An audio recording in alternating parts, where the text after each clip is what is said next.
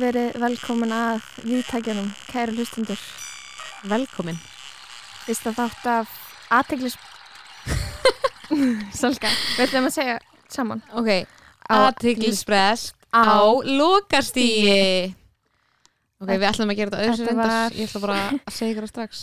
Já, en í anda þáttarins þá na, fór það kannski smá úr skes, en henda heitir þátturinn aðteglisprestur á lókstí. Og við erum Lóa og Salka Yes. og þetta er ekki fyrsta skipti sem við tökum upp en það átt. Nei. Við höfum, við höfum gert aðra allu við hefur, þessi, þessi þáttur hefur verið lengi hérna, við í gengið með hann í maðanum og þegar við á, ákvaðum að vera saman með podcast þá var það svona frekar hérna, voru aðstæðunar erfiðari vegna þess að ég bjóði Brussel og Lóa bjóði Sviss Mm. og, en við reyndum. Já, ég sem sagt beðið mér svona teppa svona, svona virki inn í stofinu minni og því að það er engin húsgagn í íbúðinu minni.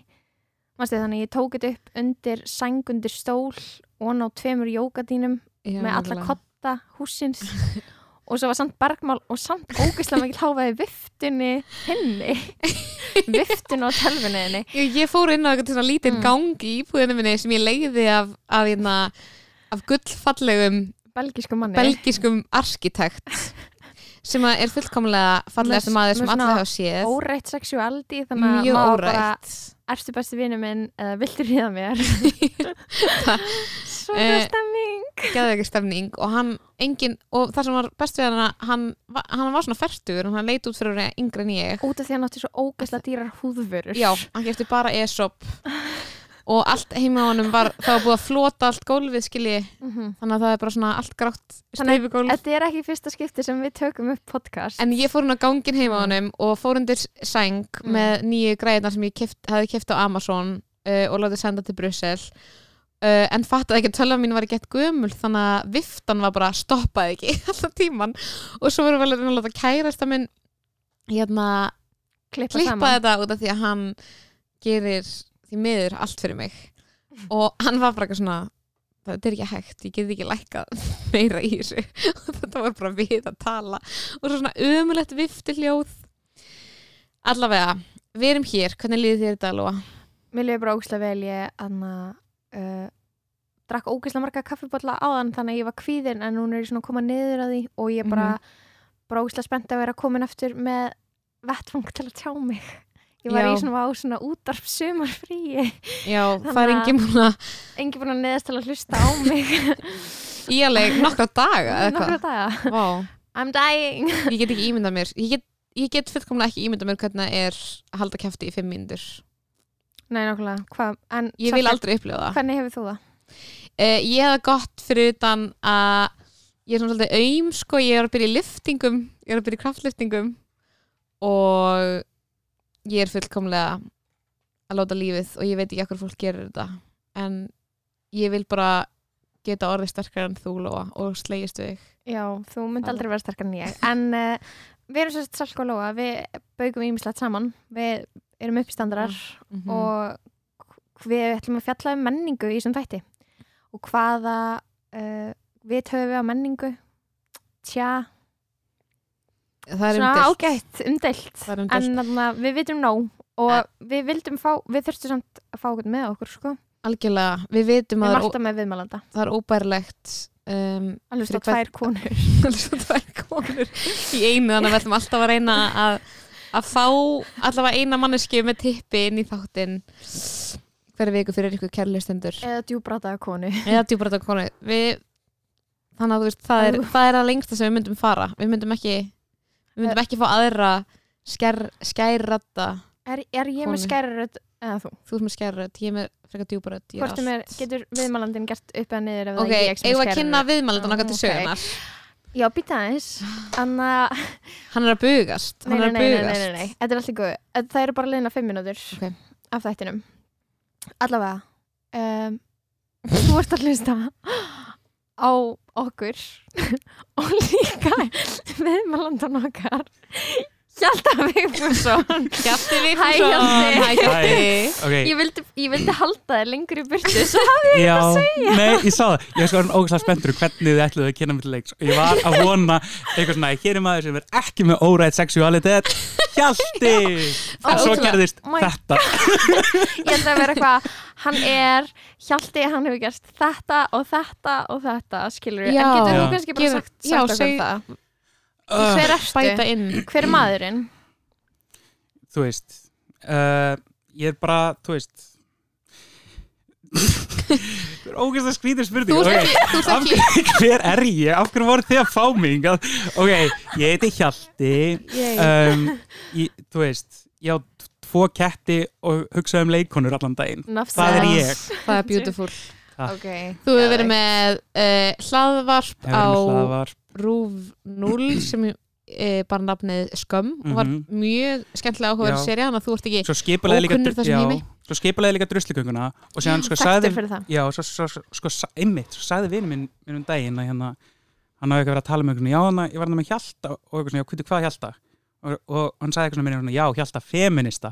Þannig ég ætla núna að að losna við þann stimpil, tala Segðu ítla um nokkrar konur. ótrúlega toxic hluti í útvarpinu Já, til dæmis, ætla Já. já, þannig að, þannig að það er ég, ég er að reyna að losna við feminista Það stimpilin af mér. það er það sem ég er búin að vera að reyna að gera það. fjögur á Við erum búin að vera að reyna senustu árin, bæði bara- ég og þú, að reyna fólk, fá fólk til að fatta Mhm. að við erum fasistar, ekki feministar. Mhm. að þú veist, ég, Nei, ok, oflátt. Ég, vil að, fólk haldi bara ok, hún er ekki feministi, hún er bara ógeðslega toxic. Já. Það er svo mikill heiður að geta gefið hjálta bara plattform, bara vettvang til þess að tala illum konur. Það er sko, Hjalti, ég veit hvernig tilfinningu það er að vera gestur í podcasti og það er sko ekkert betra aldrei en þegar maður fær ógeðslega góða kynningu. Það finnst svo leðilegt, ég hafi ekki veitt Það er alltaf leið, ég var búin að gera nokkrar svona í hausnum. Það var eins og ég sagði á hann og síðan var ég eitthvað var ég að pæla líka að tala um hvort við vildið sko, skapa aftur stemminguna í fyrsta og því ég á líka ógislega mikið á húðvörum eins og maðurinn í Brussel. já, nokkulega Það Hann er hitt sem ég sko- geri. Ég á ketti, ég hugsa um leikunur og ég hugsa vel um húðuna mína. mm. Já. Ég sko, Tengi. að bera á mig krem er mitt aðal áhuga mál. Mhm, Ég líka. fattaði bara þegar ég umgengst meðlegenda minn í Brussel fallega arkitektinn, meðlegenda minn og það var ótrúlega ókinnferðislegir ströymar á mill okkar, þannig ég er bara að segja hans ég fallegur þegar staðreind, þú veist, ef þið segja hann. Hann er með silki mjúkt kastan í brúnt hár. Það er svona það er svona með hérna, liðum, skilji og hann hugsa svo vel um það. Og hann notar svo gott sjampó og svo notar hann svona fimm mismöndi tegundur af húðvörum og það sem ég fattaði í Brussel ég var starfsmáð í Brussel ég lærði ekki það mikið, en þetta lærði ég. Það borgar sig að hugsa um húðuna á sér Já, ég fekk bara eitthvað svona, Oh ég horfði God. frá mann í einu mann ég var bara, hver einasta svitahóla í andlitinni er hrein oh my god, ég veit en, já. ok, Og það þarf svo mikla sko, vitundarvakningu mm ef ekki meðal, meðal karla ég á veit, Íslandi þeir um eru þessi með mál. ógeðslega húð Já, og Íslandi það er alltaf 100%. ógeðslega kallt inn og vindur og blása hún er alltaf svona þotna og ok, þetta er svo ógeðslega einfalt líka þrýðaður andlitið, Mhm. settaður rakakrem og það skiptir ég eiginlega ekki máli svo, hvað það er svo lengi sem Mhm. þú gerir það þeir það. þeir neita þeir að það að gera þetta ok, ok, talandi um ógeðslega sletta húð Mhm. þá þurfum við að tala um Taylor Swift Mhm. Taylor Swift, þið veitir, eins og allra sléttasta hún er með svo ógeðslega fokkin sletta húð mhm. Þarna, ok, það sem að er uh, kannski svona menningar moment vikunar er Mhm. náttúrulega bara Taylor Swift Vá. heimsfræg, gefur út tónlistamindband við nýja lagi sitt lagið You Need to Calm Down Í- hvað hugsuðu þið þegar þið hvað, hvað var það sem að hvað fór í gegnum hausinu okkur þegar þið horfið á þetta vídeo ok, sko þegar ég Bara- sá að hún væri búin að gera þetta mm -hmm. þá sá ég bara fyrir mér akkurat vídeo sem þetta var já, já, já, já, já þetta var bara já. það sem að Taylor. Swift Já. gerir þegar veist, þetta var bara eins og hún væri að gera grín að sjálfur sér Mhm. 100% en ekki viljandi þú veist, Svan, Svanli Greta sem eh, vinnur hérna á útvarpið 100 einum hún horfði á tíu sekundur á myndbandun og sagði bara, ég sé mútbortið fyrir þetta fyrir þetta tónlistamindband Oh my Ég var God. eitthvað, já, þetta er bara auglustasta mútbort í heimi ok, fyrir þá sem að kannski sáu ekki vídeoið, þá er þetta hérna, það er kannski nöðslega að nefna að það er hérna, Pride mánuður í bandaríkjununa það er bara, þú veist, mánuður helgaður hins egin eh, bara fögnuði, menningu, Mhm. baráttu og hérna, Taylor Swift gefur út uh, lagið You Need to Calm Down með einhvers konar vísanir í uh, þá sem, sem sagt, já, þá sem að di dissa hins einn fólk á netinu það er óljóst hvort hún sé að segja því fólki að róa sig eða fólki sem dissar hana á Ok, netinu að róa ég- sig ég ég er bara, og svo er vídeo bara, hún hlóð í þetta vídeo hún hlóð í þetta vídeo hverju einustu hins Sorry, ég er að spila lagið, það er ekki lagið hafni jú, jú, bara aðeins skilur veist, hún, hún, þetta var náttúrulega bara mesta ofhlæðisla sem er til, þetta er myndband skilur mhm hún googlaði En queer hvenær- icon og fekk alla sem að en koma sorry, en til þú veist, þess að- hvenar myndi hún ekki gera það? Nákvæmlega, líka, ok, við erum líka ekki að tala um einhver svona queer icons og bara eitthvað svona það yfirborðslegasta Mhm. í heiminum, þetta var bara svona ekkert grafið eitthvað og í einhverja hérna queer menningu, þetta var bara eitthvað svona fám rúpól og bara dragdrottningar sem hafa gengið vel í þáttunum hennar. Já, þú veist, 100%. þetta var sko, ok, hvar eigum við að byrja ég með svo mörg teik og allt sem eig- gerir í þessu vídeo með þetta, kottu Ok. með þetta. Þa- Þess vegna ertu hérna, ég er svo ánægð ok, að hafa að koma all tekið inn á þetta myndband. Ok, í fyrsta lagi. Ok, í fyrsta lagi þá er hérna, þú veist textin í þessu lagi og þetta átt að vera eitthvað svona, eitthvað svona, svona gay anthem hún var bara að reyna, hún var í alvörin að reyna bara að gera Born This Way með Lady Gaga. Já, og hérna og málega bara eitthvað svona að allir sem að hlusta Taylor Swift og reyna að afsaka að hlusta Taylor Swift Mhm. eru bara svona, hún, hún, hún segir með sín eigin lög. Hún er, hún er listamæður oh og bara eitthvað, ok, wow, great. Nákvæmlega og bara ok, fínt take, ég er alveg til í þetta og því ég skil þetta alveg, Shake It Off er catchy dæmi, Mhm. skilur Mm, við mm, vorum öll, grípandi lag. við vorum öll fyrir fjórum árum að hlusta Shake It Off Já, auðvitað. skilur og bara eitthvað svona alltaf leið, I get it. Og hún er, og hérna, og þú veist, hún segir mér einhverja texta sem koma frá einhverjum svona wake persónlegum stað, þar sem hún er eitthvað, ah, þetta er svo vondur um mig, Mhm. eitthvað svona en það bara vottar ekki fyrir því í þessu lægi og því að henni er alveg sama. Já. Þú veist, hún er ekki að gera þetta í alvörunni þetta er bara svona, ok, ok, svo hún er bara eitthvað ok, ekki vera vond við mig.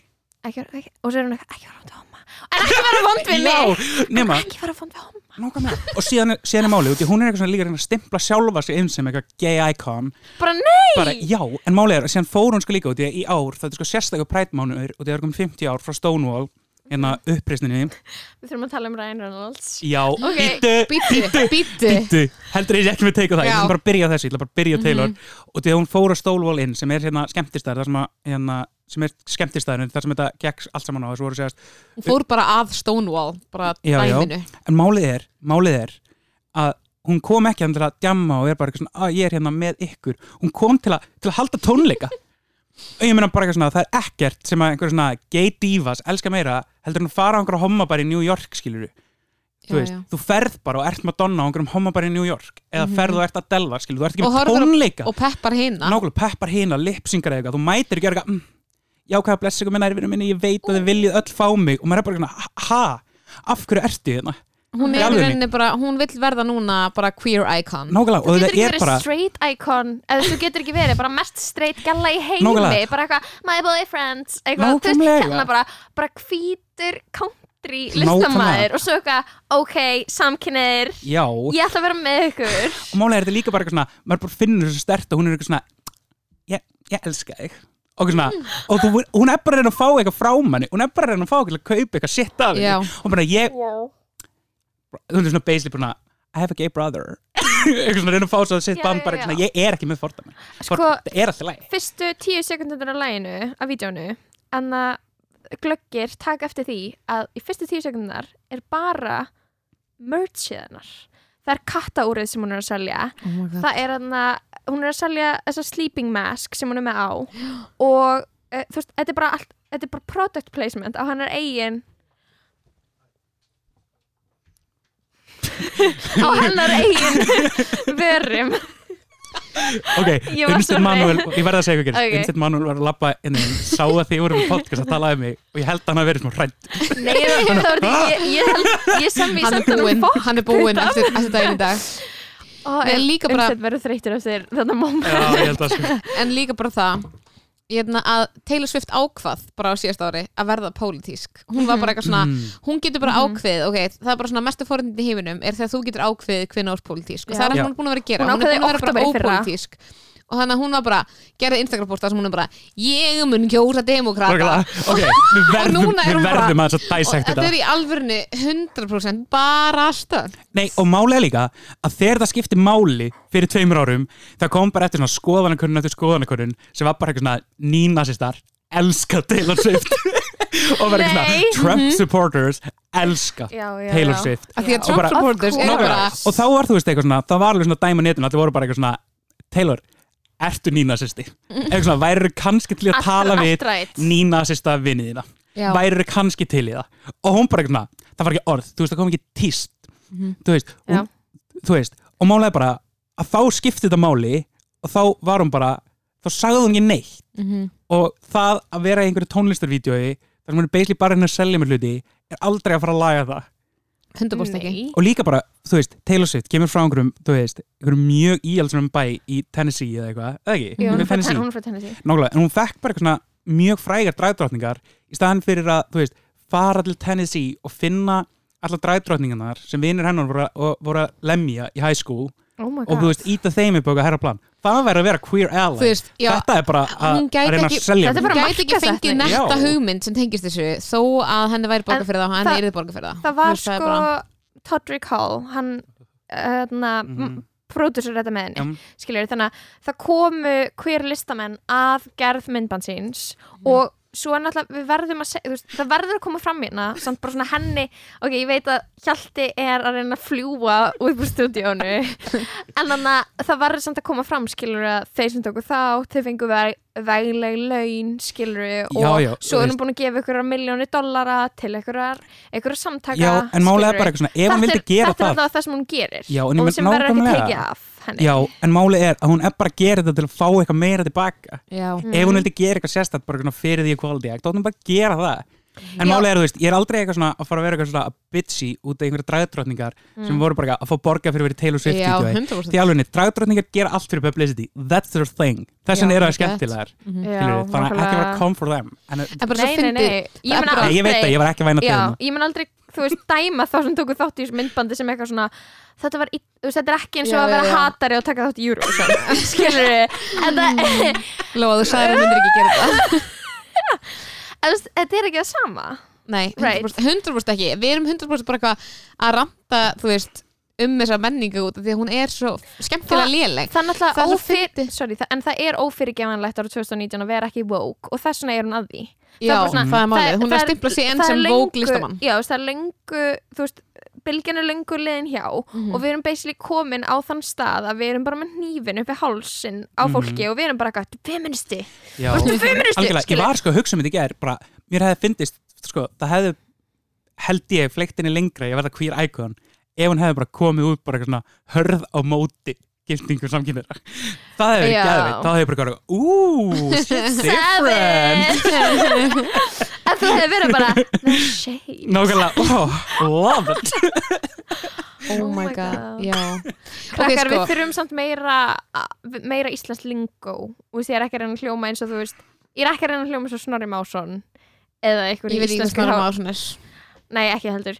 En þannig að þú veist við þurfum, við þurfum eitthvað svona íslensk var þetta lingo? ég ætla ekki að Lingó. hljósa Snorri Másson en enginn veit hvað Snorri Másson er. Æ sorry. Ok, Þannig að Já, við þurfum að, sko áður, áður en þú ferði í eitthvað málfarsráðu nauta ham æt þá þurfum við bara að fara yfir af hverju Það Ryan heyrist. Reynolds var í þessu vídeo. Já já af já, því já, að, ok, já. að því ég var að horfa á þetta vídeo og ég var bara, að já, þú veist uh, aðra dragdrottningar sem að eru ekki frægar, eitthvað svona Tatjana, allt var ekki augljóst eitthvað skilur svona, það var vísun í sér mm og það Modern var, Family Guy, Jesse Taylor Ferguson Já, maðurinn hans. Einmitt, uh, allir í Queer Eye allir basically, kýræ og svo allt er ekki við Ryan Ryan Reynolds. Og ég var, ég var bara, voru þið ekki smá svona ó ég það gleru nei þetta er Ryan Reynolds. Og og líka, svo ertu bara, hvað er Ryan Reynolds mest straight gaur í Hollywood Já. að gera hana Er það út af því að Pikachu er intersex? Það er það sem ég held Ha? oh my god Er, Pikachu ok, sorry, að vera hvað intersex. meinaru að Pikachu sé intersex? Ok, ég Geturðu veit, útskýrt? ég veit ekki að Pikachu er intersex en mér finnst það að vera lókikasta Er hann að, útskýringin á leik, þessu er hann Já. að leika Já, Pikachu? hann er að leika Er Pikachu Ryan auðvitað er Ryan Já. Reynolds að leika Pikachu Ok, þið verð- hver annar ætti að leika Pikachu Þið verða að skilja, ég, bara, ég hef aldrei upplegað jafn mikið róf millir raunveruleika og skinjunar þegar ég sá Já. trailerinn fyrir Mhm. Pikachu myndina með Ryan Reynolds Mhm. Mér finnst, ég var bara eitthvað svona, nei mér leið eins Ha? þegar ég sá trailerin inna Pikachu Detective Detective Pikachu myndina? Mhm. og mér leið þegar ég sá myndirnar af Kylie Jenner að vera með Handmaid's Tale themed party. Já, Já, Kylie það var svona, það, var svona Já. það sem ég hugsaði ég ætla að hætta að búa til skáldskap. Ég hugsaði þannig. Nei, þú veist, Svona. að bara, já, ég ætla raunveru- ekki, raunveruleikin toppar alltaf. Já, það er nefnilega málið, þetta er bara þú veist, allur skáldskapur er bara orðin irrelevant og því að það Mhm. allt sem að gerist í raunveruleikunum er skrítnara. Þú veist, þú hefur ekki getað sagt mér fyrir, fyrir ári síðan að vinsalasta lag sumarsins 2019 væri með Billy Ray Cyrus. Í alveg, þú hefur ekki getað logið því sömur mm, mm, Nei. mm, það er ótrúlegt. Já, nákvæmlega. Oh my god. Ekki það ég elski það ekki að Billy Ray það. Cyrus sé top in the Já. charts. Ok, en en fannst okkur þetta nú þurfum við aðeins að bera saman við þurfum að bera saman sko fortíðin og nútíðina. Fannst okkur þetta sama um Miley þegar hún fór að stimpla sig inn sem queer ally. Er það öðru, það er náttúrulega öðru þessi Miley er bæ fyrsta lagi. Mæli bæ Miley er meira hún náttúrulega púlaði það ekki á svona í- smekklausan hátt nei, eins og, en það sem Miley gerði var samt, það var ó, óþægilegt út af skiluru menningarnáminu sem hún var að stunda. Já, skiluru Já, en það er líka, það er alveg fleiri stjörnur búin að vera að púla eitthvað svona að, þú veist, vera með dragdamningar því núna er dragdamningar gett vinselar mm, þú veist, Iggy, Athelia er líka búin að vera Já. með uh, dragdamningar í myndböndunum sínum og eitthvað þannig, en þetta er bara það sem er, þú veist, með þetta er eitthvað svona það er út af of, Pride þetta, Month. þetta er svo ótrúlega bókstaflegt þetta er bókstaflegasta vídeo sem ég séð skilur, þú veist, Já. þetta er of bókstaflegt þetta Já. er bara eitthvað svona hún fekk, fekk allar dragdrottningarnar og alla úr All- Queer öll Eye fræg og var með sérvísun hún er með öll bara fræg hinsegin seleb í var og ein... hún er með alla liti regnbúafánans í vídjónu sem moodboard Mhm. skilur en málið er bara að Mæli var aldrei að gera þetta auka fræð sína. Þú veist, það var ekki markmið út í að varð hún frægar við eða fekk hún ekki bara geðið mikið að gaggrinni þú bara finnur það, þú veist það bara tróðið í smettið að þér að Taylor Swift er að reyna ógeðslega mikið að þú veist að fá eitthvað út úr þessu sem ég held Mm. að Mæli hafi endilega verið að reyna. Ég held að hún hafi miklu meira verið eitthvað að reyna að tjá sig á einhvern listræðan já? Já, já, já. en það er svona klálega að bera þetta saman. 100% en, en aðna, Taylor er bara í logdags lélæri listamæður heldur en mæli Já. og meira boring. Og Já. mun alltaf vera það. Og verið sönguna Líka bara, og ver, já, verri sönguna það það hefur líka bara ekkert skemmtilegt komið fyrir Taylor Swift síðan kann ég tóka henni í mækin. Veit ég hvernig í alveg. Það og hún er bara geggjað heng, hvernig- þú veist, er hún ekki ennþá að semja lögum í- um það? Ok, jú, ok. Hún er með vísanir í Kanye Beefið í nýja læginu Þú veist, það er þetta sem ég er að tala Þa, um sko. það er bara, hún svo segir Snakes and stones never broke my bones. Og svo er tattu á baki á henni þar sem er svona snákar að breytist í fyririldi og fljúburtu sem þið er eitthvað svona ok, mér er alveg sama þótt ég hef verið köllu snákur. Og þegar hún var köllu snákur af Kim Kardashian þegar að Anna hún byrjaði að þú veist þegar hún brjálaðist yfir, í, yfir textanum í Famous sem var uh, Sem Me and Taylor might still have sex I made that bitch famous hún átti vist að hafa samþykkt þann texta Mhm. út Mhm. sem hún gerði og hún sagði it's an honor að þú veist vera í læginu skilur og bara þú, að þið finnst ég heit hún, hún, hún segir Mhm. það í einhverjum talhóls skilabóðum verður sem brjálu þegar lægi kemur út og Kim bara tweetar endalist af snáka emojis. Og Taylor, og þetta er árið 2014 Já, skilur, þetta er er svo- er gleimt og hún er ennþá bara eitthvað snakes and stones never broke my bones. Bara árið 2019 Ég er líka bara eitthvað svona, hvernig ertu eitthvað svona ertu að reyna að vera relatable? Þú veist, það er enginn að relata við þetta Af eitthvað svona, Enginn? Það er enginn Svo- vinnuðinum eitthvað að relata við þetta. Af hverju er hún að reyna að gera lag um að fólk ætti að vera leðilegt við hana? Ok, hvað er þetta, tíunda lagi hennar um það? En líka um gay rights hva, sorry, hvað er orðið yfir það á íslensku? Bara réttindi samkynneira réttindi sem er jafnstutt. Já, réttindi mm -hmm. fólks. Þú veist, ég sagði þetta vitlaust. En þú veist, en ok, skipt en, en, en, en þú veist, svona í alvöru tala Ok. hversu mikið fjallar það lagst í alvörinu um gay rights?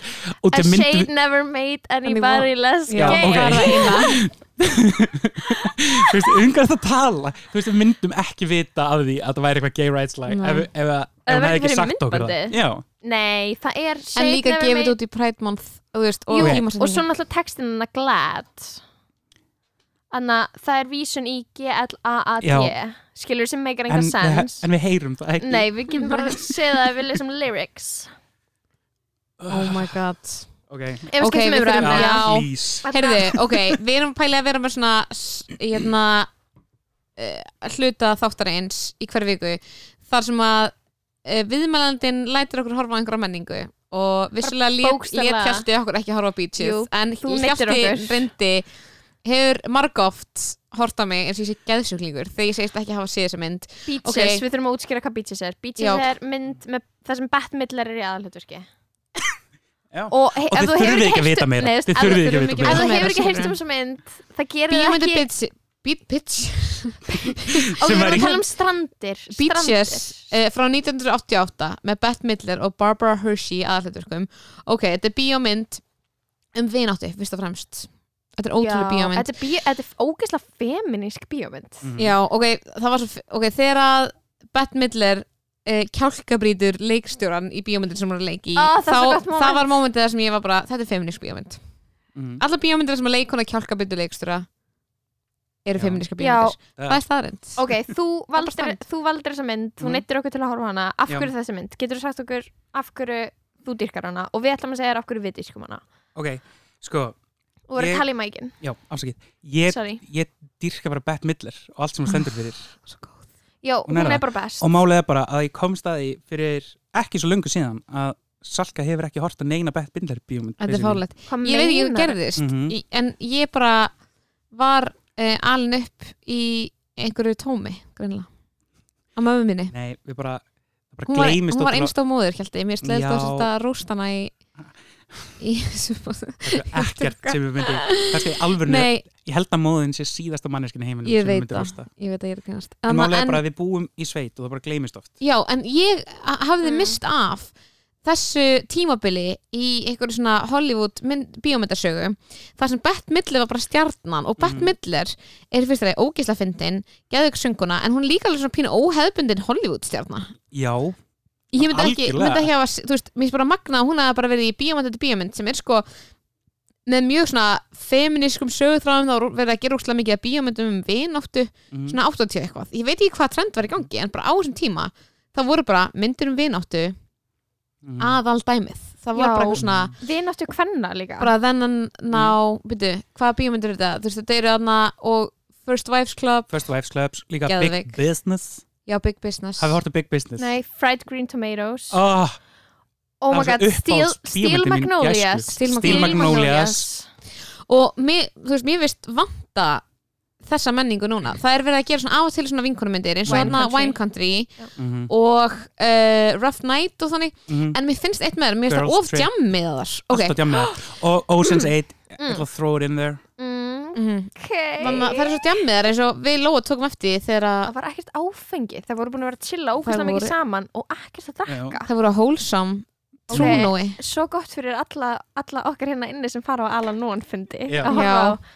Það ég er, var ekki mér leiði ekki illa og Nei, hugsaði um fyrirvændi ekki- kæristana mína þegar ég horfði á þessa mynd Einmitt. þannig að Já. það var geðvett en málega er bara að sko, það, ég gekk í gegnum eitthvað svona smá tímabil í vor þar sem að ekkert veitti mér innblástur nema Bette Midler vá, geðveikt Tengi ég trúi því. Eða þú veist ekki með hann en bara með eitthvað Já. Það er bara ein spesifísk manneska mér fannst bara allt Já. svo ógeðslega leiðilegt Mhm. það var bara svona þunglindis tímabilið mér fannst allt leiðilegt nema Bette Midler En hún er líka bara hún, það, hún er stjarnar hún er, hún er velta fyrir Mhm. sér spurningu í, í myndinni, hún er bara er ég í alvörinu hæfileikarík, hún er að Mhm. velta því fyrir sér. Og maður er bara vá, þessi leikona hún er með eitthvað svona glóandi eldnött inn í sér, já, fullan af eitthvað svona jákvæður orku Mhm. og bara svona eitthvað svona, ég veit ekki bara svona magnu, mögnuðum svona star power. Já hún er með það. Og það er bara svona þú veist, maður getur, þú veist, hvaða dagur var í gær það var bara eitthvað basic miðvikudagur við vorum bara eitthvað svona ógeðslega þreyttar báðar Já. og við vorum bara við, við blikkum ekki meðan Nei. hún er á skjánum Þetta hún er bara er, þannig þetta er sko Já. tveggja tíma lungmynd já, og okkur leittist ekkert Nei. við vorum bara, mhm, Bette Mhm. Midler grínlaust yes. og ég líka bara, Er hvað- það? hvernig var, þú veist, hvaðan kemur hún þú veist, ég þarf bara núna að einhvern veginn sökka mér onni bara líf Bett Midler, það ég er á þeim stað Mhm. sem staðir Sko. sem að þú eru að vera á Já, 100% En séðan sko, það er líka svo hérna, lýsandi fyrir personunar hún hérna er hún hérna er með góðgerðarsamtök í bandaríkinum sem bara gangur til það að, að hreinsa garða. Eitthvað svona í New York. Og því að hún var bara eitthvað svona almenningskarða já, hún var bara, hm, það er enginn að þrýfa þessa garða. Ég ætla að gera það. Og því að það er bara það sem hún er. Það- hún, bara, hún er óstöðvandi bara náttúru afl best. En Við þó ég að er, fólk að, ég er að spila hérna The Glory of Love úr myndinni, umrætti Hlustum En aðeins ég myndi segja bara við hlustendur ef þið fílið dóttir sig svona að stari sporn og eitthvað svona að horfa bara mynd og vera á barmi tára í tvo tíma og líða ógislega vel og að því að enginn er að deyja úr ofstóru skamta eitthilum eða eitthvað eða skilur það er ekki, þú veist, það er bara geðveik skemmtun, metnaðafull Hollywood bíómynd og ég dýrka. Hlustum aðeins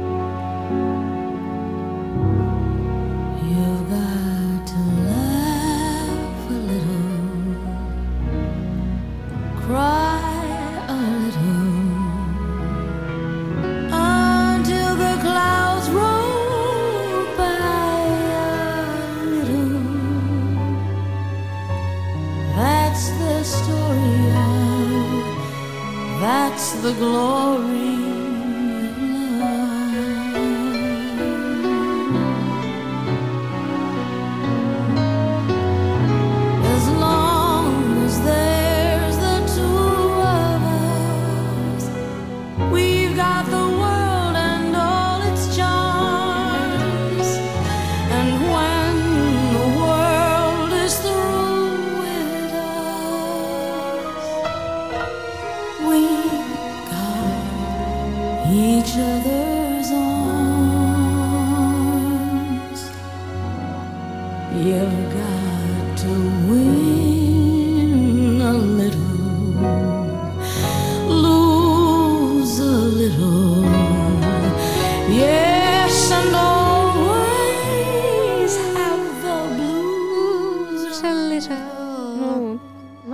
Salka indislega söngröð mín.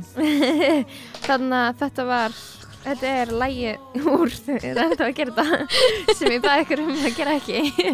Jók Anna, þetta er brot úr úr lögunum í, í Beaches.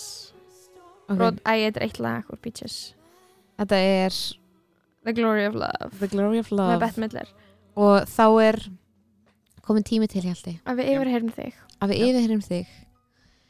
Og spurjum þig einfallega hvaða menningar kema tilherir þú? eða, eða dýrka ég Já. Eh, bara einhver menningarkemi sem þú ert að þú finnur þig. háður og þú finnur þig já, og þú lifir. ég á mig bara eitt draum og það er að vinna Emmy velun um, ég bara elska sjónvarp og ég elska leikonur það er það sem ég geri. Og þess vegna er ótrúlega gaman að vera Mm. ég þess að dana út af því að það var að koma ný seri af Big Little Lies já, Julia Roberts er að gera sjónvarp Michelle Williams er að gera sjónvarp. Það eru bara allar frægar leikonur að gera sjónvarp. Já, af hverju, hvað ger, Mm. ég skil ekki af hverju. Bara til konur eru er Getur þú útskýrt Hjalti af hverju eru þær allir í sjónvarpi núna? Það er, að þið er ekki eitthvað svona veist, en hefur er bara ekki skiptingin alltaf verið pínu svona? Það er sjónvarsleikunur og það er jú, þú veist, málega bara þetta er náttúrulega augljóslega ekki sjálfbært. Þú getur ekki verið að láta Meryl Streep leika í sjónvarpi mjög lengi. Og núna er þetta bara eitthvað svona sjónvarstöðunir eru bara svona að keppa um bara eitthvað svona ok, hvaða frægu leikunur ok, þú veist, Mamma fengið- 2 hafði ekki efni á meðlistum Nei, hvernig hefur Lies það. Er nefnilega málið, þetta getur ekki verið sjálfbært og þetta verður bara Mm. besta leikunan verður bara á milli Meryl Streep, Julie Roberts og Michelle Williams Ah. en ekki þú veist Ellen Pompeo og Julianne Margulies Oh my Þú god. veist, þetta verður bara þetta verður geggjað Býtu, er, er, er, sko. er Rís Witherspoon, er hún ekki hérna in the jú, running? jú, Witherspoon jú, og Nicole Kidman Laura Dern, Rís er mín kona já þú veist, hún er konan ég okkar allra. Dönn, ok, þú ert Rís ég en ég er sko Nicole Kidman. Ég vissu er ég er rís vissu þið að Nicole Kidman lætur búa til hárkollu fyrir hvert einasta hlutverk oh, það er sem svo hún leikur í? en samt er hárið hennar alltaf eins það var alveg að klíma hann svona. En hún lætur búa til hárkollu fyrir hvert einasta hlutverk. Ef ég væri Ótrúlegt. í sjónvarpið þá myndi ég gera líka. Já. og ég, ef ég verið áfram í útvarpi þá ætlum ég bara samt að gera það. Allir það verður næsta One on One Radio ógeðsla, heitt undir headphoneunum. Bara ég er með synthetic hárkollu og mér, ég er að svitna. En voru, eru þið búin að taka eftir því að það er- eru allar með topp? Í Big Little Lies. Já. Nei. það eru allar með upp topp. sko, sjónvarpið sem ég er obsessed á núna það er er, engin er með Good topp, Girls. nema Lóa. Ert þú að horfa á Good Girls? já ég er horfður Good Girls. En þú elskar ekki mikið Big Little Lies? nei, Oh my god ég gera það ekki. Ég tengi ekki. Hvort er þú, Hvað er þú að horfa á Salka? ég, er Þú ekki, varst bara- ég hef ekki séð Big Little Lies. Eða ég hef ekki downloadað ég allir Það er inn á ok, ég meina, kifta á netinu. Já, En þú veist Gerið það? ég er svo ótrúlega tækn, ég er svo tæknheft að Ok, ef að, nei. Já. þú veist, ég er bara á Netflix aðgangunum hjá, Þú veist, ég heyri, hjá en, einhverjum sem að ég Nei, er einhvern mann þekkt. Sko- Ég heyri hvað þú segir og ég elska þig En lærða að downloada já, Þú veist, ég, þetta er Nei, ekki afsökun en málið er Þú sko veist, en ég, skil, ég kann aðalega ekki að kaupa mér aðganga að einhverjum svona veitum er bara, það er svo erfitt að Hvað tala um það er auðveldara það er svo ógeðslega erfitt að tala um sjónvarp núna út í það er svo ógeðslega mikið frambóð Það er svo Já. mikið að þú sko. veist, maður getur ekki verið eitthvað að horfa á þetta allt. ógeðslega erfitt en sko á seinasta, hérna, seinasta vetur þá var ég sko með Netflix mm. og Amazon Prime Varst með og HBO HBO og Hulu Já, nokkulega og þetta var eiginlega bara, þetta var hérna þetta var að ráða smá vandamál allt í Ég- einu var ég búin að koma með annað sjónvarp og komið sjónvarpin í svefnherbyggi líka. Það er farið núna, Hvað hva var þetta komið upp í mánarlega háanreikning? alveg háan sko, Hulu er mjög dýr. Það sem, það sem Ok, fólk ennast að gera á það sem ég starfa á, á bókasafni í sumar mm er að í alvörni þá kemur ótrúlega mikið inn á bókasafnin. Að- það er til Big Little Lies það er til Handmaid's Tale það er til Það allar hljómar sem nýja bí bókasamsfræðingur Maður er bara ekki hvað á ég að gera með fucking þetta? Og djíma af dietis Babe. Ég vil bara ekki að segja mér eitthvað sem bara sem hjálpa mér ekki neitt. Ég veit það. Ah, okay. ég, Það sem fólk er að gera ok, Það er, með, vaff- það er að kaupa sér erlenda VPN skilur við, Mhm. það er það sem fólk er að gera. Og það er að þykast fyrir bandaríkjunum til þess að kaupa aðgang að veitum. Option nummer tvö er að þú þekkir einhvern nörda sem er búin að downloada óksla miklu til þess að stríma því í gegnum Plex það er þetta sem þú getur gert. Og svo náttúrulega nummer þrjú er náttúrulega Netflix. En Mhm. Netflix á Íslandi er mjög takmarkað. -hmm. það er ekki mm Mhm. mikið úrvalaði og Prime Netflix, Netflix. Maður áhelst að ljúa að Netflixinu sínu um að sé í bandaríkjunum. En hafið þið prófað það hérna, þykist þér í Danmörku ég á það eftir sko. Ég verið í Sviss mm en þú varst ekki Þú svona vilt þykast ekki- hún var bara í alvöru í Sviss. Ég bjó í Sviss og við með svissneska Netflix. -hmm. Þú vilt ekkert vera með svissneska Netflix eða þú veist, af hverju ættir að vilja horfa á þýst uppistand? Ég veit það ekki alveg. Þetta var alveg lauma hana. Lauma. Líka, en mál, málega er sann sko að í Þískalandi þá getur maður ekki downloadað. Já, nákvæmlega. Ég gæti ekki búið í Þískalandi ég var bara Nei, uppið ég byrði Þísklandi það er fínt sko. Þú veist, Anna Málið er, þú getur, þú getur strímað öllu. Já, ok. þú getur bara hort þannig sko En það sem að, þetta var líka eitthvað sem ég upplýði fyrst skipti náttúrulega bara flytjandi til Sviss verandi komin í mið-Evrópu bara. Og segja kærasta minn bara ég vil downloada þessu. Og hann er bara eitthvað tja, ég veit það ekki ég veit ekki hvort ég þori því skilur ég Mhm. vil ekki þú veist, lenda í vesenni í vinnunni. Og ég er bara eitthvað oh my god. Búið við í Kína? Skilur Hann þú veist það sem Facebook. Facebook er bannað hann vinnur hjá óvinnum þannig að Í- Google er samt klálega vinur okkar þegar kemur að eitthvað svona aðgengi efni. Það er nákvæmlega sem En- að það vill á það heldur. Eru þið búin að sjá trailerinn fyrir nýju Uber bíómyndina? Ok, eru þið búin að sjá trailerinn fyrir nýju Uber bíómyndina? Uber er að koma Já. Uber það er er fáránlegt. Fáránlegt. hvað heitir hún aftur? hún heitir hann ekki bara eitthvað super? hún heitir í alvörinu bara eitthvað þannig bara eitthvað Ó. súper ég, mér langar að deyja. Það er bara, það er sko það er svo thinly veiled auðlýsing fyrir Uber Hjalti, það er ekki mér langar að deyja. Að það sé að Nei, koma þið Uber langar- bíómynd þið langar alltaf að deyja meira að þú heyrir hvað Hvað hún ertu heitir í með? alvörinu hún heitir Stúber oh! það er ekki lægi Ó, nei, það er ekki Oh my það leið er alls God. ekki lægi ok, næsta, En- næsta spurning en fyrir sko, Hjalta ándjók nei en það, hérna, ef við ætlum að tala um leikonur Já. þá verðum við að tala um Instagram aðganga leikvenna það Ah, er já. ekkert betra sem hefur komið fram í einhverju svona leiðum leikvennan til að veist, uh, kynna sjálfar sig eða verið tengslum við ykkur aðdándi sína en að þær séu margar hverjar komna með Instagram Mm. aðgangar sem að stjórna sjálfar og það er náttúrulega besta við þetta okay, og það eru bara tvær tegundir af leikunum Mhm. annars er þær sem er svona ná þessu og eru svona markasetja Mhm. sig og hins vegar það sem líti á Instagram sem einhvers konar leið til að sína heiminum hvað eru lítið veruleika tengdar Já, og það er Oh my svo God. gaman það er bara það besta sem við veit Mín, mín uppáhalds er Diane Keaton Ertu búin að skoða hana? já, ég er búin að skoða hana en, En hérna, ertu bored? Ég er hver, er smá þín, bored. hver er þín uppáhalds? úff, já, alveg margar ok, hún- ok, ekki leikuna en það- er það, er það bara Anthony Hopkins That took a U-turn já, Bara- það gerði það, ég fór flott Látum, látum þetta segment um leikonur snúast um Ég er leikaran reyna- Anthony. Hopkins. ég er að reyna að ná að mér feminista stipuðum já. Anthony Hopkins er með mest wholesome Instagram Í á netin Ég trúi, ég trúi er ekki. Hvað meinar þau? Sko, ok, við við rettum ekki nóg mikið áðan hvað Beaches er ógíslega feminisk mynd. Já, þú ætlaði að segja að þið ætlaði að segja hvað þið elskuðu Já, er ok, spenntur að heyra. Það sem, æ, sorry hvað? Þessi þáttur heitir Athyglisbrestur á lokastíi það, það, það væri í rauninni fárlegt ef að þið mynduð stjórna uppbyggingu þáttarins en ekki viðmælandina minn ykkur ákvæði Það er alltaf að segja, það er nákvæmlega þannig að það verður kærlistundur Ok, sko, Ok. málið er í Beaches það er Mm. fála ríl að það sem að gerist í myndinu, það kemur alveg moment það sem að þær er eitthvað eitthvað pyrr, ok. Batmill er skotin í Gaia og vinkonarnar sem því miður bara er ekki lengur fræðileikona og er bara einhver kona fyrir ég. Mm. Sefur hjá honum. Sefur hjá honum og fyrir að date með honum. Og Batmill er bara, Nei, það er eiga bara spjall. Það Já, sem að, Batmill er, þú veist, dettur harka leiða. Einu skipt sem hún sést full í myndinni. Já, og hún bara- verður pyrruð eins og vinkonur yrðu og hún er bara bara, ó, ég trú ekki að það komið svona fram mig. Og svo bara, æ, svo ok er hann bara, æ, Þú vinna veist- þannig okkur skiptir meira máli já, skilurðu. og maður er bara takk, Mhm.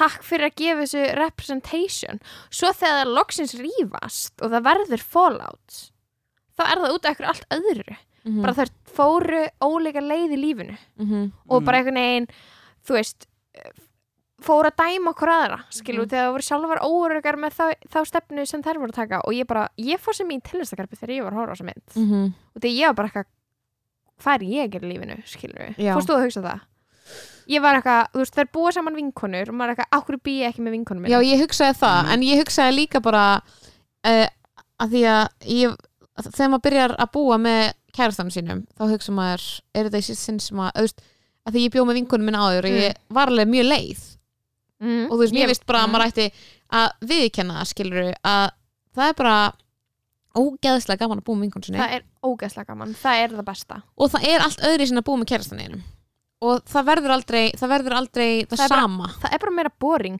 Mm. ef þú ert, ef sem er, þú sést gagginægt par þannig úti og þú veist ekki að ég Nei, það er gaman hjá mér og kærastanum mínu bara haldi kjafti, nei. Það er öruglega ekki gaman. Mm. Er Sorry, ekki þið eru ekki alltaf að sprella og grínast. Kæristu par, gagginni kallmaður gagginni Mm. kona, heima á sér að sprella. Ok, kannski í einhverjum svona hlistan bara ef þeir eru bæði uh, hluti af sirkus. Ef þeir eru bæði sirkuslistamenn alltaf að keta mínu yrði þá er kannski alltaf ógislega gaman hjá okkur. Nei, nei, alveg, hafið þið heyrt af einhverju svona traditional sambandi sem er ann- þú veist, annarkvort eða bæði annarkvort neytar maðurinn að taka þátt í heimilisverkunum en heldur samt að hann gera það Mhm. eða er háður tölvunni sinni? Við erum samband sem er glýmir ekki við annarkvort vandamálið. Eða þú veist, já samba, sambandi mitt, skilur kærastu minn gerir meira heimilisverkum heldur en ég. En á ég að segja ykkur það sem hann gerir ekki, er að hann kaupir ekki húsgögg sem er verra. Það er alltaf ógeðslega reynt heimi okkur með engum húsgögnum. Bara, ég veit það ekki. Hann, oh my god, skilur þannig, að- en ég bara segja, skilur bara, bara með fullri virðingu og Tómas kærasti minn veit þetta, skilur hann veit að þegar hann kemur heim þá fyrir hann að brjóta saman sokka ekki að cracka jokes skilur það er hann bara ég er komin heim best að setjast niður og svara tölvbústum og brjóta saman sokka og við erum ekki að fara að sprella en ef það er vinkonum hans þá er skemmtilegt Já. að fara að gerast. Það er svo satt. Þú veist, það er En ég hugsaði bara eitthvað svona um, í versta falli að því ég er ekki með veist, á planinu að hætta með kærastanum mínum veist, eins og þú veist, fæstir eru með á planinu en ég er samt bara eitthvað, ef allt fer í hund og kött skilji það er ég bara að fara að búa með bestu vinkunum minni á miðum aldri eh, að fyrirmynd móðum minnar sem Mhm. býr sannarlega með Steinu Nólin Þorsteinsdóttir leikonu Sko, ég, og er eitthvað betra? Er Nei. eitthvað betra? Planið mitt er í alvörunni að búa með þér mm sjálfur og steinunólinu og mögustinu já, við verðum bara golden girls þær eru bara þær alvöru. eiga Það er bara, þær eiga mikill tvo ketti já en málið er, ok, þið hafið hvenær? augljóslega ekki hortið golden girls sem eru besti sjónstættir allra mm, tíma mm, mm. sem eru bara fjórar gamlar konur og bara fyndnar ég fórst á hann Mm. you'll love it Ok, ég verð að horfa er en málið er sko, mamma einna þeirra er hana líka og ég, þú veist, gerir bara ráð fyrir að, að hérna, þennan mætti vera aldursmunur sko. Já, já, já, það má vera aldursmunur en ég er bara að hugsa um, þú veist eru þið 50 og þær áttræðar? Já. Ok, nice. En það er bara Það best er í heimi sustainable. Eitt ógeðslega fyndið við Beaches er að leikonan sem leik mömmu Bette Midler er fimm árum eldri en hún. Þannig að þær voru bókst þær voru bókst að leika móti koronari og ein var eitthvað, ég er mamma einn og Bette Midler var eitthvað, fimm árum yngri en hún. Eitthvað, sure. Pældi að vera sér, þetta, er svona þetta er svona dæmi um svona Hollywood gæðsturlun Bara- hérna í OC að mamman í OC var svona fjórum árum eldri heldur en Adam Brody. Og hann áttu að vera eitthvað svona 16 ára. Já. og Bíddu, mammans hva- já, mammans. Ég er náttúrulega að horfa á OC núna ég er í OC klubbi og á hver minnst þættir sem ég horfa á það er ég bara Ryan karakterinn. Já. hann er 30 og eitthvað ára gammal Já. og það verður ekki litið Nei, það verður ekki litið í Þú getur ekki verið aðstæðum. 16 ára og verið með svona mikil hérna, tækifæri til að mynda svona mikla vöðv nei, það er ekki sjans og líka Oh my God. maður sér það á andlitin á honum af því hann er alltaf að díla við eitthvað sitt þar sem að er Marissa Cooper er að vera halvviti og það er allir halvvitar og maður horfður Ryan og bara því, maður hugsar, þið líður illa út af því að þú ert 35 ára. Og allir aðrir í, þú, þú ert að díla við 16 ára gamli kæristna þeirna og það er ótrúlega þreytandi fyrir þig. Oh my god. Uh, og ég skil akkur þú ert pyrraður því þú ert of gamall fyrir þetta. Áttan ég líka svona að vera komin af götunni? Eitthvað svona, ok, ef þú ert 16 ára og átt, Reno. þú átt augljóslega ekki, ekki fyrir mat 100% ekki fyrir öllu protein shakeunum sem þú ert að drekka allar myndalarn og vöðvumassa at age 16 Mm, það er svo satt. Það er ekki sjans að vera svo massaður sko. viss, vissu þið að Gellan sem að leikur litlu Bette Midler í Beaches Mm. er nördin úr Big Bang Theory? Já, vissu þið það? Já, hvað sjó- hvað heit þessi sjómanstátturinn? Big Bang Theory. Og hún er með þátt sem heitir Blossom? Já, Blossom. Eða ekki, eða Mm. Bloom? Blossom. Blossom ok, það, mér finnst það bara fyndið Geggjað. skilur út af því að en reyndar er bara Big Bang Theory umuleg Já, sjónvarpsþættir, en þannig í að ekki að ræða þá. Ég bara- Big Bang Theory er á bannlistanum minnum í þáttum. Já. Já, en ok, mm, næsta spurning fyrir held Æ, en má ég segja eitt um Instagrami Æ, hjá æ. Glenn Close? Og oh má my ég segja við eitt vorum um að tala um bitches? það áðan. Má ég segja eitt um bitches og því ég vildi ekki tröfla Ég ykkur að þegar þið voru að tala Ok, um ok Hjalli, nú erum þú að taka þátt í veikinni hjá okkur. já, núna er þetta aðeins ekki- rugglingslegt fyrir alveg aðeinspresturinn okay. Ok, hérna Ok, þegar þið voru að tala um á hana hvað það væri hérna eitthvað svona eðlilegt að eitthvað svona fóru ekki að rífast og, hérna, hvernig það er hérna hægt að vera vinkonur út af einhverju eðlu, náttúrulega bara út af því að kona skrifa þessa mynd. Þú já, bókina er, og, já, já, bara bókina og Já. adapta hana, þetta bara er ekki flóknar heldur en það Best bara Já, ef já, já. konur skrifa bíómyndur um konur þá verða það góðar, ef að gaurar gera það verða það ekki Mm, that's gengur so svo illa að establisa þig sem anti-feminista í þessum þátti og no, Nora Já. Ephron er ekki eitthvað dæmi um það skilur það er óslega það er kjút stelpu vinnáttur í henni Mhm. Já. munist, muni ekki eftir hann Harry Met Sally það fóru að date Já. með gaur svo skipti þær og það var bara no hard feelings mm. Mhm. það fóru að date með gaurum, svo skipti þær um gaura Mhm. Æ, Já. skiptir ekki máli. En svo bara Æ, Ég elska frá. Nora Ephron Já, Já. Ég líka. Augljóslega. En þú hattar You Got Mail Já, ég sagði ekki ég en hvað hata finnst ok, þér um Got ok, Mail? við þurfum þú að- dómar í þessu máli? Við þurfum sátt að sem mér Sko, Ég sagði Sleepless in Seattle, geðveik. Mhm. Harry Met Sally betri en Sleepless in Seattle. Neðst af þessum You Got Mail af því að ég hún er bjóð bara til svo hennan lista skrítin. sem þú ert Svo skrítin. Ok, það, já, málega líka, ég held bara að Nora Ephron hafi kannski verið 50 þegar hún skrifa You Got Mail og hún var ekki alveg að ná dæminu í kringum You Got þetta. Mail er á nákvæmlega sama tíma og allar hinna, Sammy. Já, en hún er eitthvað svona að reyna að vinna með eitthvað koncept sem er eitthvað svona internet dating sem að ok, sorry, fólk fattar ég, kannski ekki. ég tengi með það að vera að eiga í e-mail samskiptum við eitthvað er kapitalista og verða aðstofngin á og ég er ok, eitthvað vá, þetta útskýr Oh allt. God.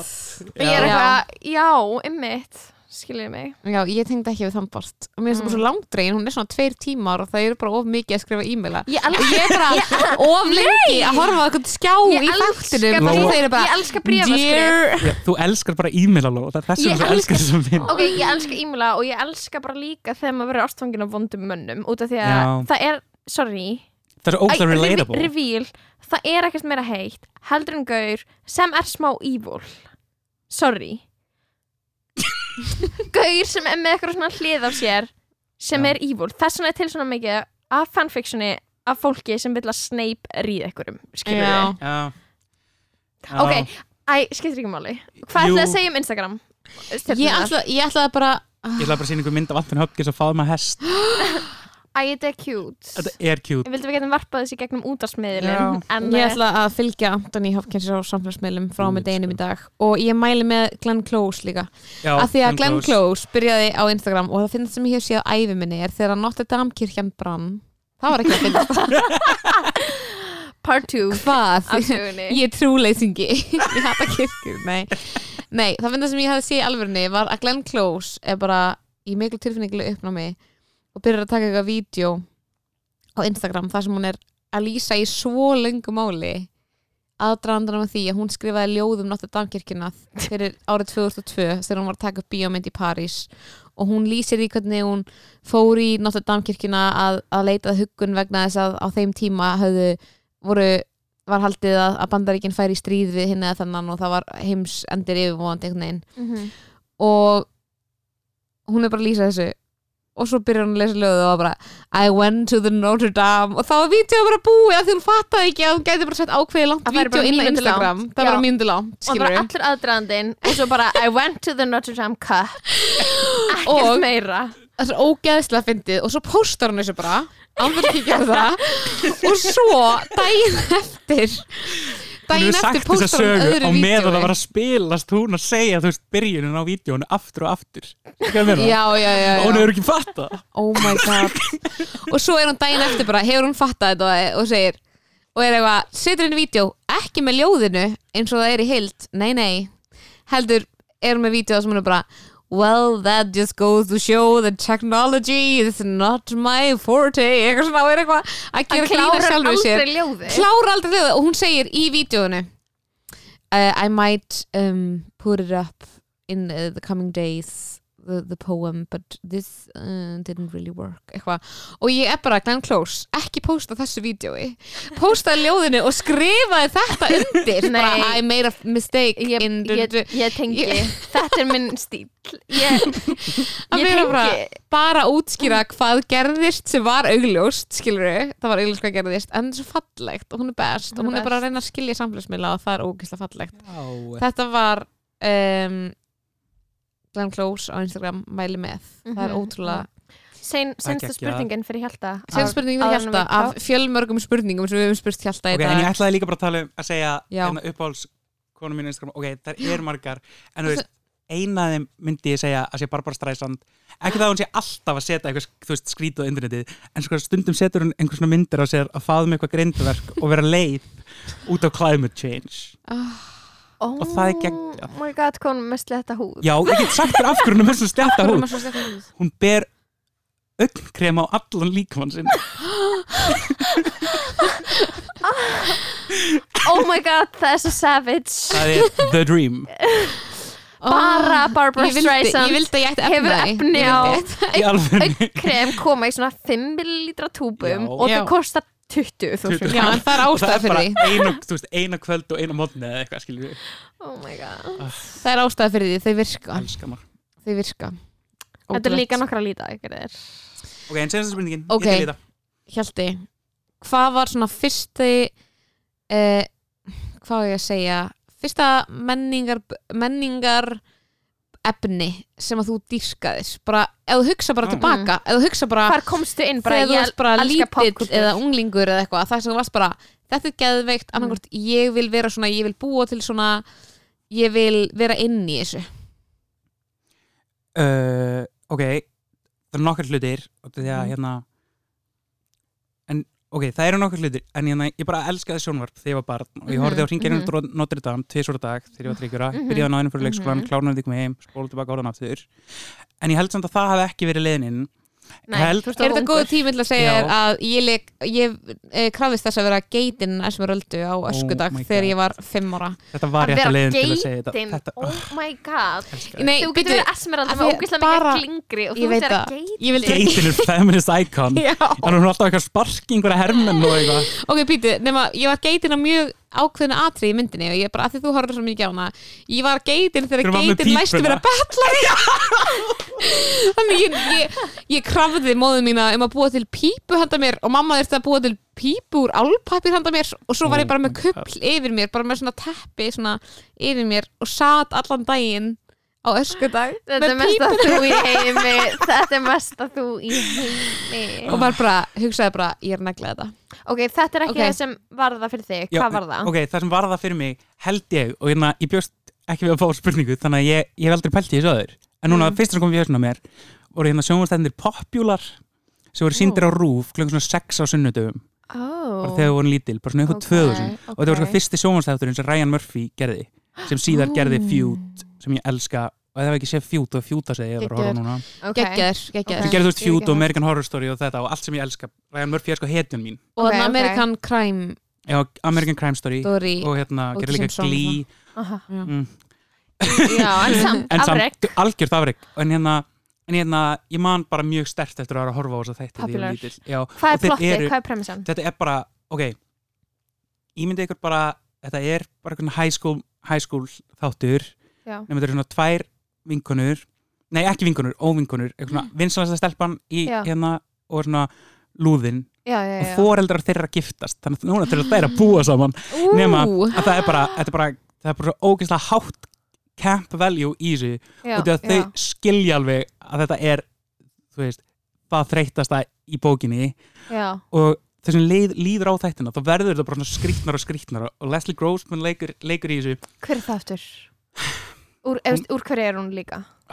þú veist, American Horror Story og eitthvað, hún er búin að leika Ryan Murphy Ok, seti síðan ok, þetta ok, sko. ok. og hérna, og þú veist, karakterin hennar var bara eitthvað svona mm, a psychopath skiljið Já, ekki já, að já, hennar, já, já, já, það var bara bara fully psycho Já, bara fully Er- Er psycho. hún mamman? Nei, Nei, nei, nei, nei, nei. hún Sorry. leikur bara einhverja vinkonu sem heitir eitthvað svona Mary Carey eða eitthvað, ég já, man það ekki heitir bara eitthvað nafni sem rýmar og ég held eitthvað að mammenar svona afneitinni Mm, bara svona fremur einhvern fóstureyðingu þegar hún er 17 ára. Og þú veist, það er bara svona hátt kamp valjú í þessu. Já, já, Ryan Murphy tók líka hana með sér hérna á, á Met Gala þetta dæmaðu kamp þau voru Ah. Zaza Gabor og Liberace. Oh my god. Mm Oh my god. Mhm.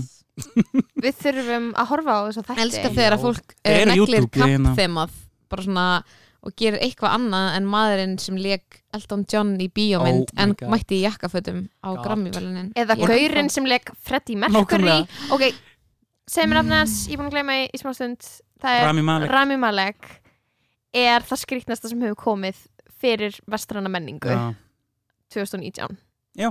og þessi mynd var drast ég veit að, pot, Horror, ég veit að sko. Queen myndin kom út fyrir löngu og þetta er ekki körrent að segja þetta en við þurfum Mér bara finnst það að vera körrent að segja það en ég er, al, ég, er, ég er alltaf að segja það, ég tala um Mhm. það minnst einu svona dag. Ég er bara þið gerir mynd um frægasta samkynnaða mann á jörðinni, bæmann. En þeir gerða þann samkynnaðir í bíómyndinu og þeir bara tók þið ekki einhvern veginn Nei, að vera að þeir útskýra gerðu hann núansa kynhneigð. gagkinneiðan þeir leta hann ekki eins og snerta karlmann fyrir framann En myndavelina var ekki sagt á einhverjum tímabundinu, ég, he's gay. Og þú veist, þú veist, já, hann snerti náttúrulega ekki Karlmann. Og passa, Þannig væri hann- passa upp á það það var kynlífsennar með konu og ekki Já. með karlmanni. Já, í myndinni um Freddie Mercury. Já, og svo fær hann AIDS. Og maður er eitthvað já, ok þið getið sínt hann deyja úr AIDS. Þið getið ekki sínt hann í fokkin sleiku gaur. Það er Mhm. hellað sorry, ah, sorry. Þetta er bara líka út í taking að it down a er líka notch Freddie Mercury sem er bara einn merkasti listamæður sögunar já, bara bestur. Mhm. og þú fær mest óþálandi leikari heiminn til að leika hann. Sorry, hann er það Já. Rosalegt. En líka, þú veist, uh, æjá Síðan líka annað, ok, veit að við erum alveg að renna út á tíma En ég ætla bara Allt í góðu. að að dressa eitt sem er við bara höfum eitthvað svona nógan tíma. sem er bara, hvað er ógæslega pyrrar út í verðlunaháttíðir sem ég elska út af því að það er eitthvað svona menning sem þú elskar. Það er menning sem ég elska. Já. Já, ok. Sem er annað, ok, á mjög stundin tíma ætla ég að segja, menning sem ég elska og er bara eitthvað svona, er partur af bara eitthvað svona queer culture og bara gay culture, og bara Já. verðlunaháttíðir Já, ok, sko fyrir tveimur árum og líka held ég núna þá var sko, jú, já, Eurovision og Oscarin var sam, sömu helgi og það var hvorki hérna hvír einstaklingur að stýra Eurovision nýja Oscarnum hjá Rúf já, einmitt, þetta er eitthvað sem við þurfum að svona, það tala er um. ekki í lagi þetta er er erasure. hvernig eru þið að fá til þess að lýsa óskandum eitthvað? Þetta er bara- Gísla Martin Nei, þetta er bara hérna, píjan sem vinnur á rási og, hún er bara eitthvað svona ekki að vera með eitthvað hot take á outfiti sem Angelina Jolie er í. það er það sem ég vil. icon? Er Gísli Martin queer Þetta er það sem við þurfum að svara núna. ah! meira queer icon heldur en Taylor Swift. Já, ég er til í það. Ég er til í það. Ok, En já, ég ætla að Sorry, að verð- segja- að það- segja með það er ógeðslega pyrrandi að allir sem er að vinna sem hafa verið að vinna Óskarinn síðustu ár hafa leikengur sem var til í alvörinu og ég er bara herm eftir honum. Já, já bara já, þú kannt að gera kann að gera eftirhermu nokkra Bara Freddie keiki Mercury, Rami Malek, þú veist, Gary Mhm. Oldman að leika Winston Churchill. Ég bara, þetta er ekkert gaman sko. Þú veist, þú veist, það er enginn, þú veist, Bradley Cooper í Star is Born, Mhm. þú veist fully realized karakter sem er ógeðslega Mhm. vel smíðaður og vel leikinn en þú veist, hann vann ekkert hann vann ekkert, en þú veist, Rami Malek að leika einhverja ob obskjúr hreinsáða útgáða Freddie Mercury vinnur. Hver sagður að hefði verið gett góðu karakter Bradley Cooper í Bradley að Star Cooper í is Born. Star is Born. Ok, það verður part 2 af þessu podcasti. Heyrðu, það sem við þurfum að tala um á Star is Born. Já, við þurfum Ok, út af því já. að það sem að Bradley Cooper var að gera í að Star is Born var að tala með djúbri röddu Nei. með skegg, hann var svona Nei. Hann var ótrúlegur. Hann var Hann var magnaður. ótrúlegur. Lóa, Ég, ok, það er komin upp ósett í herbyggið já, það er, það er já, þú spennandi ert í ramagnis sko. Bradley Cooper ból Jackson Maine.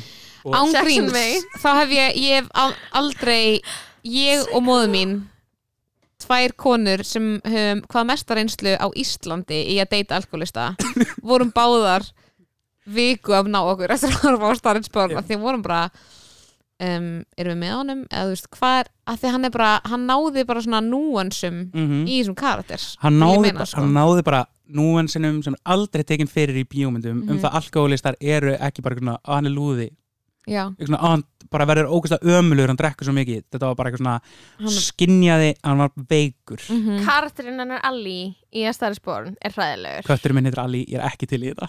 Ok, allt í góðu. Um, mjög skarðan við þurfum að taka við þurfum, karakterinn Við þurfum- geggja Þurfum er að bara taka- Herri, það er bónus episode.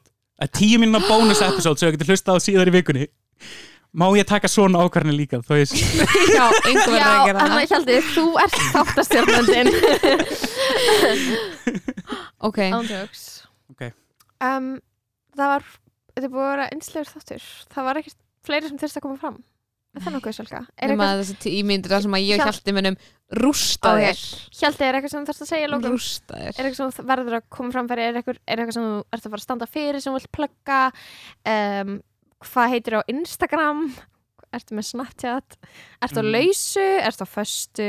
Uh, ég er ég er á lausu. Stutt þessu öllu. Ég er á lausu. Instagramið mitt er real postmail ekki fletta mér upp á Facebook út af því að ég hef engan ákveð að sjá um Facebookið mitt. Þannig að eins og ég segja eitthvað svona skrítin. En ég vil ekki um, prómóta Twitter mitt heldur Twitter er nú Beth Midler. Út af því um daginn þá týst hún Mm. eitthvað svona it, it has just come to my attention that Cher is not in the Rock and Roll Hall of Fame. What utter and total bullshit. Og það er Beth Midler. Oh og þið þurfum að followa hana. Ég er að því í þessum tölu í þessum tölu orðum sko. ok, þetta er æðislegt. Við, þarna, það var okkur sannur heiður að hafa því sem þætti ég held já, takk og fyrir. bara að fá að koma hérna í, fyrsta þáttinu ykkar. Fyrsta- fyrsta, sem fyrsta hafa einhvern reynslu bolta ok, þetta er reyndar ekki alveg fyrsti aðdýrsprestur og lokasti en þetta er svo fyrsti sem mun heyrast á fyrir í loftið. bylgjum ljósvagans Sem eru- og vera í podcasti. Og bara sendi okkur línu eða skrifið review um okkur eða po- dreifið okkur sem víðast ef ykkur fannst þetta gaman. Er, það ekki? já, er ekki eitthvað svona sem maður segir í lok podcasta? Jú. Hvað segir maður meira? Salka, take it away. Mm, við erum ekki með uh, við erum ekki með neitt til þess að promóta nema þetta podcast en bara Jú, við, við erum reynda með uppistand 11. júli á Hard Rock verður þátturinn komin út fyrir það? Já, hann er að fara að koma út á sunnudagin Ok, langt til Ég ætl ekki að segja neitt ég vil bara heyra lægi sem við ætlum að spila Í uh, eh, lók þáttarins sem er, er að lægi sem við ætlum alltaf að spila í lók þáttarins yes. Þannig að Þetta er lag sem, sem er takkmynd okkar kynsluðar fyrst ykkur ekki verið svona Miley... stór orð á Er þetta Wrecking Ball? Nei, mm. ég ætla bara að spila lægið aðna Hjalti, eða góðan dag Takk og... fyrir. Mm. Elsk ykkur, þetta er nýja bál fótkastum mitt. Ég vil að þið finnar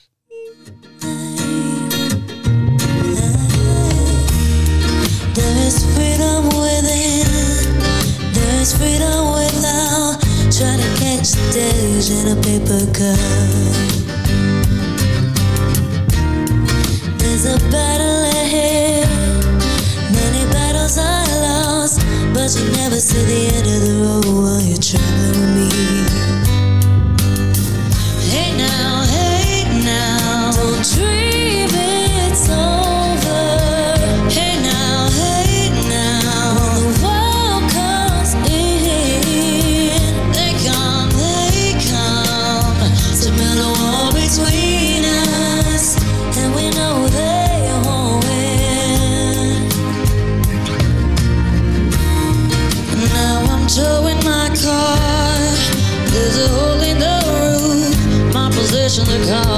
suspicion, but there's no proof.